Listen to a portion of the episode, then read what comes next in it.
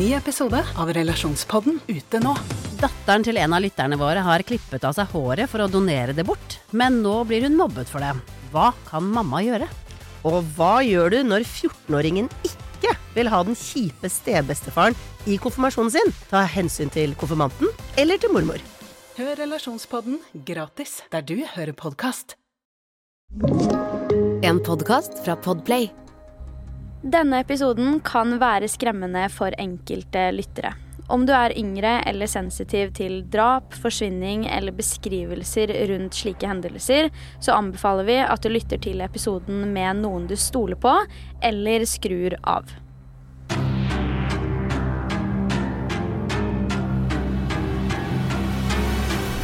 Hallo og velkommen tilbake til en helt ny episode av Forsyningsfredag podkast. I denne ukens episode skal jeg ta for meg en sak som er litt kortere enn vanlig, men jeg kan fortelle deg at saken likevel ikke er noe mindre interessant av denne grunn.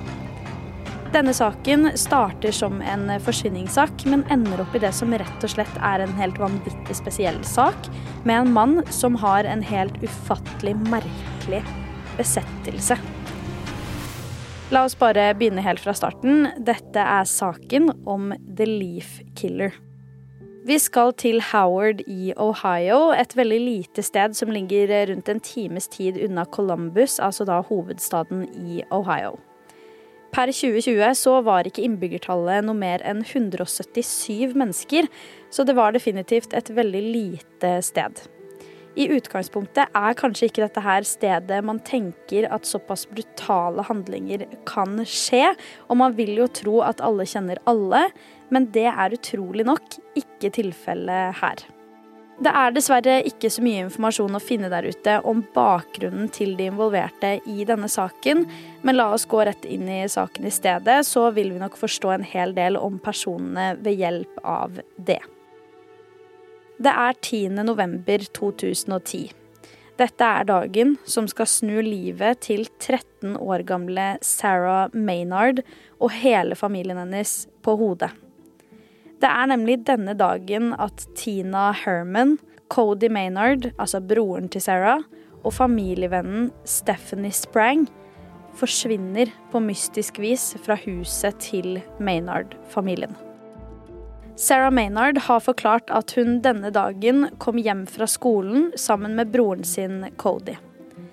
Moren hadde jobb, men jobba antageligvis sent eller på ettermiddagen. Uansett så skulle hun være hjemme da barna kom hjem fra skolen. Akkurat når hun skulle jobbe denne dagen er i og for seg ikke det aller viktigste her heller, men jeg kommer tilbake til hvorfor akkurat det nevnes. Sarah forklarte i et intervju på Dr. Phil Show at hun husker at så å si med en gang hun kom inn i huset, kunne hun se blod på gulvet. I tillegg kunne hun se en mann som beveget seg rundt i huset. Hun hadde lyst til å ringe 911, men hun turte ikke å snakke fordi hun var livredd for at han kom til å angripe henne dersom hun gjorde det. Han endte uansett opp med å kutte henne på fingeren med kniven han hadde med, som allerede var blodig. Hvorfor var det blod overalt, og da også til og med på veggene? Sarah kommer seg litt til hektene, og tanken slår henne. Han må ha drept mamma. Før Sarah vet ordet av det, kommer igjen mannen mot henne, og denne gangen binder han henne fast rundt både hendene og beina før han plasserer henne på kjøkkenet. Han hadde helt tydelig en plan for henne som ikke skulle være som de andre i huset.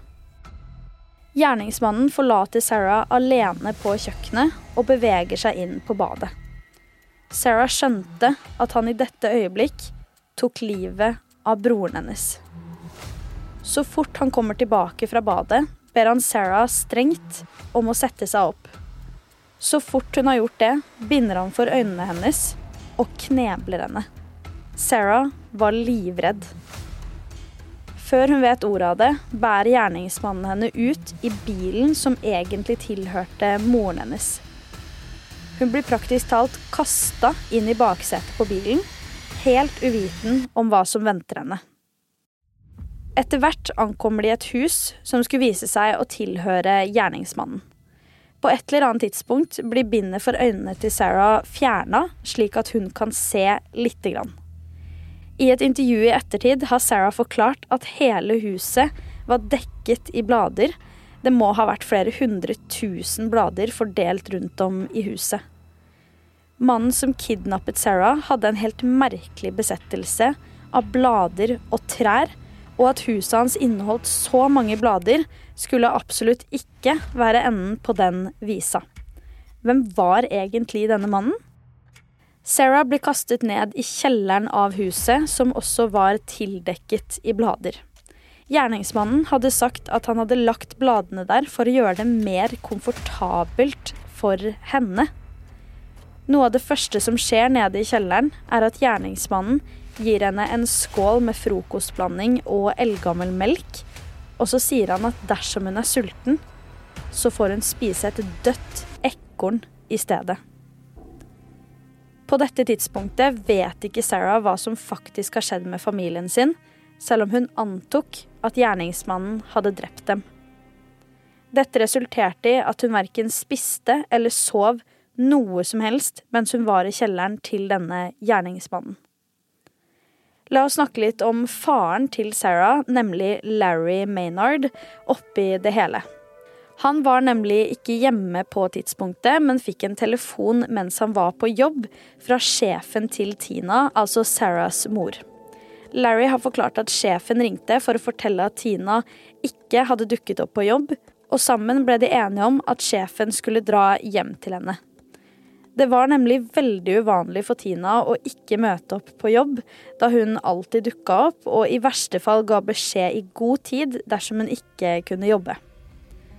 Da sjefen hennes dro hjem til familiens hus, la hun merke til at ingen var der, men også at det var blod overalt. Blant annet ser det ut som at noen har blitt dratt, blodige, inn eller ut fra badet. Veggene er blodige, og det er ingen tvil om at dette ser ut som et brutalt åsted. Etter å ha vært inne i huset ringer sjefen til politiet umiddelbart og forklarer at hun er bekymret for kollegaen sin. Jeg har funnet et lite utdrag fra 911-samtalen. Ta og hør på det her. Sheriff Barber's office. Yes, this is Valerie Haythorne. One of my employees did not show up for work this afternoon, which is totally uncharacteristic of her. I'm out of her house now. I just went in her home because I'm so worried about her. There is blood everywhere. Politiet rykker ut umiddelbart og finner naturligvis det samme åstedet som sjefen til Tina, men kriminalteknikerne ser åstedet med et nytt blikk. Her er de nødt til å finne spor, ledetråder og alt som kan fortelle dem noe som helst om gjerningsmannen. Du husker kanskje at jeg nevnte at gjerningsmannen hadde kjørt bilen som tilhørte Tina den dagen Sarah ble kidnappet? Vel, en mann hadde faktisk blitt stoppa av politiet i forbindelse med at han hadde kjørt i området der politiet fant bilen hennes, som gjerningsmannen på et eller annet tidspunkt hadde forlatt. Da denne mannen ble stoppa, ble han spurt om hvorfor han var der, men svaret hans var visstnok ikke mistenkelig nok på noe vis, så da lot de han gå. Frem til undersøkelsene fra åstedet begynte å komme inn, hadde også Sarahs far, nemlig Larry, blitt mistenkt i saken pga. tidligere beskyldninger om vold i hjemmet mot han. Det tok imidlertid ikke mer enn ett avhør før han ble avskrevet som uskyldig. En annen mistenkt i saken var også en mann ved navn Greg, som var kjæresten til Tina på tidspunktet. Han ble rett og slett mistenkt fordi han var den siste personen man med sikkerhet visste at hadde vært på åstedet før forsvinningen og de potensielle drapene som hadde skjedd. I tillegg hadde han og Tina hatt en stor krangel dagen før, og i avhør så forklarte han at Tina visste at han skulle sove over hos en venn natt til dagen hendelsene fant sted, og gjorde det også klinkende klart at han ikke hadde noe med dette å gjøre. Det ble egentlig raskt veldig åpenbart at han bare var en veldig stressa og bekymra kjæreste, som kanskje angra litt ekstra på den krangelen de hadde dagen før, for nå visste han jo ikke om han noensinne ville kunne beklage seg eller få klemme kjæresten sin igjen. Det er på bakgrunn av funnene gjort på åstedet og inne i huset at mannen ved navn Matthew Hoffman blir mistenkt i saken. Det første etterforskerne la merke til på åstedet, var at gjerningsmannen hadde forsøkt å helle bensin over så å si alle blodspor i huset, og etterforskerne antok at dette var fordi han enten ønska å tenne på huset, eller i et forsøk på å ødelegge sporene. I blodsporene fant politiet også et fotspor fra en sko, og klarte både å finne skostørrelsen og skomerket. Dette var både en størrelse og et merke som typisk ble brukt av unge jenter. Så allerede samme dag som forsvinningen hadde skjedd, antok de at gjerningsmannen hadde kidnappet Sarah. I tillegg til dette fant politiet det som skulle bli gjennombruddet i saken. I garasjen, som et av de siste stedene de undersøkte, fant politiet en Walmart-pose, og i den lå det en stor presenning og andre gjenstander politiet ønska å undersøke. I posen lå det utrolig nok også en kvittering, så det gjorde det enda enklere for politiet å finne ut av hvem som sto bak kjøpet. Det kunne jo ha vært noen som bodde i huset, men det viste det seg å ikke være. Politiet drar da til den lokale Walmart-butikken og finner ut av at Matthew Hoffman står bak kjøpet som hadde skjedd bare noen dager tidligere. Gjennom overvåkningsvideoene til Walmart klarte de å finne ut hvordan denne mannen så ut, og også hvilken bil han kjørte. Gjennom bilskiltet fant de ut av identiteten hans gjennom BMV, altså Ohio Bordeaux of Motor Vehicles. Det er også disse funnene som gjør at politiet får ransakelsesordre på huset til Matthew, og søndag den 14. november tar de seg inn i huset hans. Her finner de den 30 år gamle mannen liggende på sofaen, omringet av blader i hele huset. Det er også nå de endelig finner 13 år gamle Sarah Maynard nede i kjelleren, og at Matthew blir pågrepet. Hun lever, og Sarah har selv forklart i ettertid at hun husker at det kom ned noen politibetjenter som sa at de ikke var der for å skade henne. Så fort de kan, får de tatt med seg Sarah opp trappene og inn i en ambulanse. Hun måtte tas godt vare på etter alt som hadde skjedd, og fordi hun hadde blitt kidnappa og vært borte i fire dager, så var helsetjenesten også nødt til å gjøre diverse sjekker av henne. På denne måten fikk de også bekrefta at 13 år gamle Sarah hadde blitt utsatt for en voldtekt i løpet av tiden nede i kjelleren. Etter funnet ringer en etterforsker til Larry Maynard og informerer han om at Sarah er blitt funnet i live. Faren er naturligvis overlykkelig, men lurer fremdeles på hva som hadde skjedd med sønnen og ekskona. Etterforskeren kunne ikke gi et direkte svar, for de hadde nemlig ikke funnet disse to enda. Allerede dagen etter at Sarah hadde kommet hjem til faren sin, så tok han henne faktisk med til en lokal psykolog for å få snakka gjennom ting. Hun selv har sagt at det hjalp, men at hun slutta etter hvert. Dagen etter funnet av Sarah dro også Larry hjem til huset der Tina bodde, før hun forsvant. Fordi han klarte nemlig ikke å slå seg helt til ro med at de ikke hadde blitt funnet ennå. Han blir møtt av nøyaktig det samme åstedet som den dagen de forsvant, men med kriminalteknikerne til stede, som gjorde undersøkelser av blodet man så og lignende. De visste jo at Matthew hadde kidnappet Sarah, så sannsynligheten for at det var han som sto bak de potensielle drapene, var også ufattelig stor. Politiet la da litt ekstra press på Matthew på bakgrunn av det her, og ønska rett og slett bare å finne likene av de savnede personene. Politiet kommer da med et forslag om at dersom han samarbeider, så skulle dødsstraff være ute av bildet, så han kunne få en mildere straff ved å fortelle alt som hadde skjedd, og hvor likene var. To dager etter at Matthew ble pågrepet, endte han derfor opp med å tilstå, og fortalte at han hadde drept Tina, Cody og Tinas venninne. Han fortalte faktisk i avhøret at han hadde plassert likene inne i et tre, og kunne med glede peke ut hvilket tre det var, for politiet. Han var samarbeidsvillig først etter at politiet hadde lagt avtalen på bordet. Det skulle vise seg at Matthew hadde kidnappet Sarah, men også partert likene og lagt dem i plastposer. Plastposene hadde blitt lagt inn i bilen, og Sarah oppå disse igjen. Obduksjonsrapporten viste at de alle tre hadde blitt knivstukket over ti ganger hver, så det var ingen tvil om at de hadde blitt utsatt for noe helt forferdelig, og broren til og med samtidig som Sarah befant seg i huset. Men hvem var egentlig denne Matthew Hoffman, og hvordan endte han opp som dette? Matthew Hoffman ble født den 1. november 1980, som gjorde at han det aktuelle året skulle fylle 30 år. I tiden før disse hendelsene jobba Matthew som trehugger, og i nærmiljøet var det en kjent sak at denne mannen elsket både trær og blader, men nivået av besettelse det egentlig var, tror jeg nok få hadde sett for seg. Besettelsen vokste seg også gradvis større og større, uten at noen utenforstående egentlig la særlig merke til det.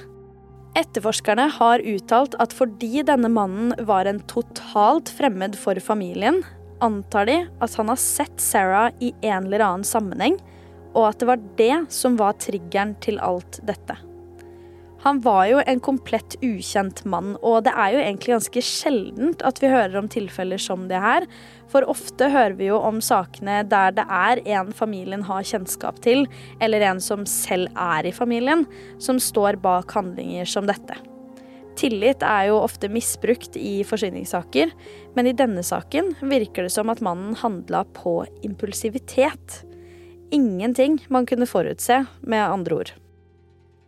Sarah har sagt at hun tror at hun klarte å overleve dette fordi hun hele tiden gjorde nøyaktig som denne mannen sa. Hun tok ingen sjanser etter å ha fått beskjed om at dersom hun var sulten, så fikk hun spise et dødt ekorn, og at han ikke kom til å gi henne noe annet. Sarah har selv fortalt i ettertid at hun ikke spiste noe som helst i løpet av de fire dagene hun var fanget i kjelleren hans, hun har forklart at hun heller ikke dro på skolen fire måneder etter at drapene og kidnappingen skjedde, og at mye av grunnen var fordi elevene på skolen var slemme mot hun, og bl.a. erta henne for at hun hadde blitt voldtatt på en haug av blader. I et intervju på Dr. Phil Show to år etter at alt dette skjedde, forklarte hun at hun fremdeles har mareritt om at noen er ute etter henne, og faren sa at han ikke engang sov på sitt eget soverom, men ute i stua med en ladet pistol for å kunne beskytte familien sin. Det er ingen tvil om at disse hendelsene satte sine spor i familien, og det i lang, lang tid. I rettssaken mot Matthew Hoffman kommer det frem at han i tillegg til å ha drept disse tre menneskene, også hadde tatt livet av en hund. Det gjorde at han til slutt ble tiltalt for følgende punkter.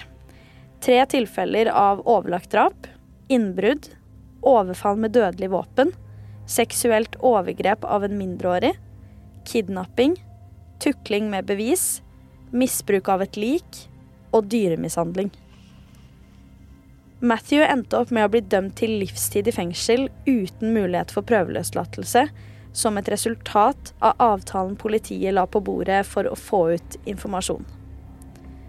En ting som er ufattelig trist med den saken her, er at Sarah også i ettertid av disse hendelsene ble utsatt for helt grusomme ting.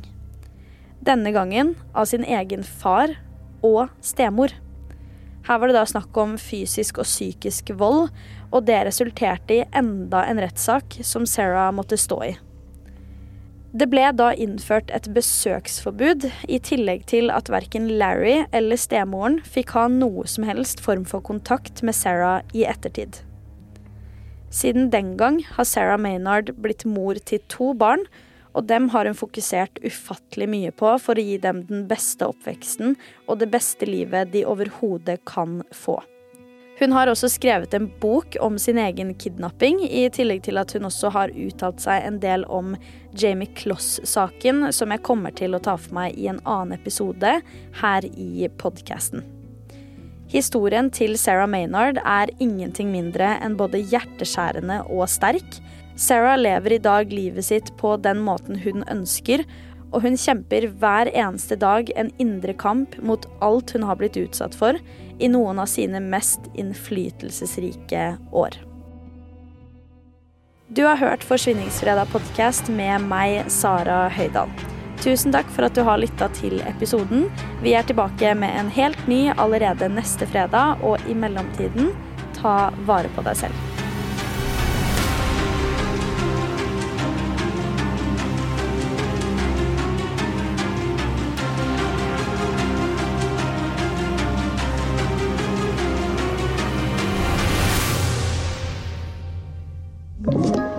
Du har hørt en podkast fra Podplay. En enklere måte å høre podkast på. Last ned appen Podplay eller se podplay.no. Denne går ut til alle dere foreldre som ønsker at barna deres skal bevege seg mer. Bare husk på dette lille verset. Bort med mobilen, alle mann, så drar vi til Leos lekeland. Lek så mye du vil til 20. juni. Gå ikke glipp av tilbudet Springpass. Vi ses på Leos.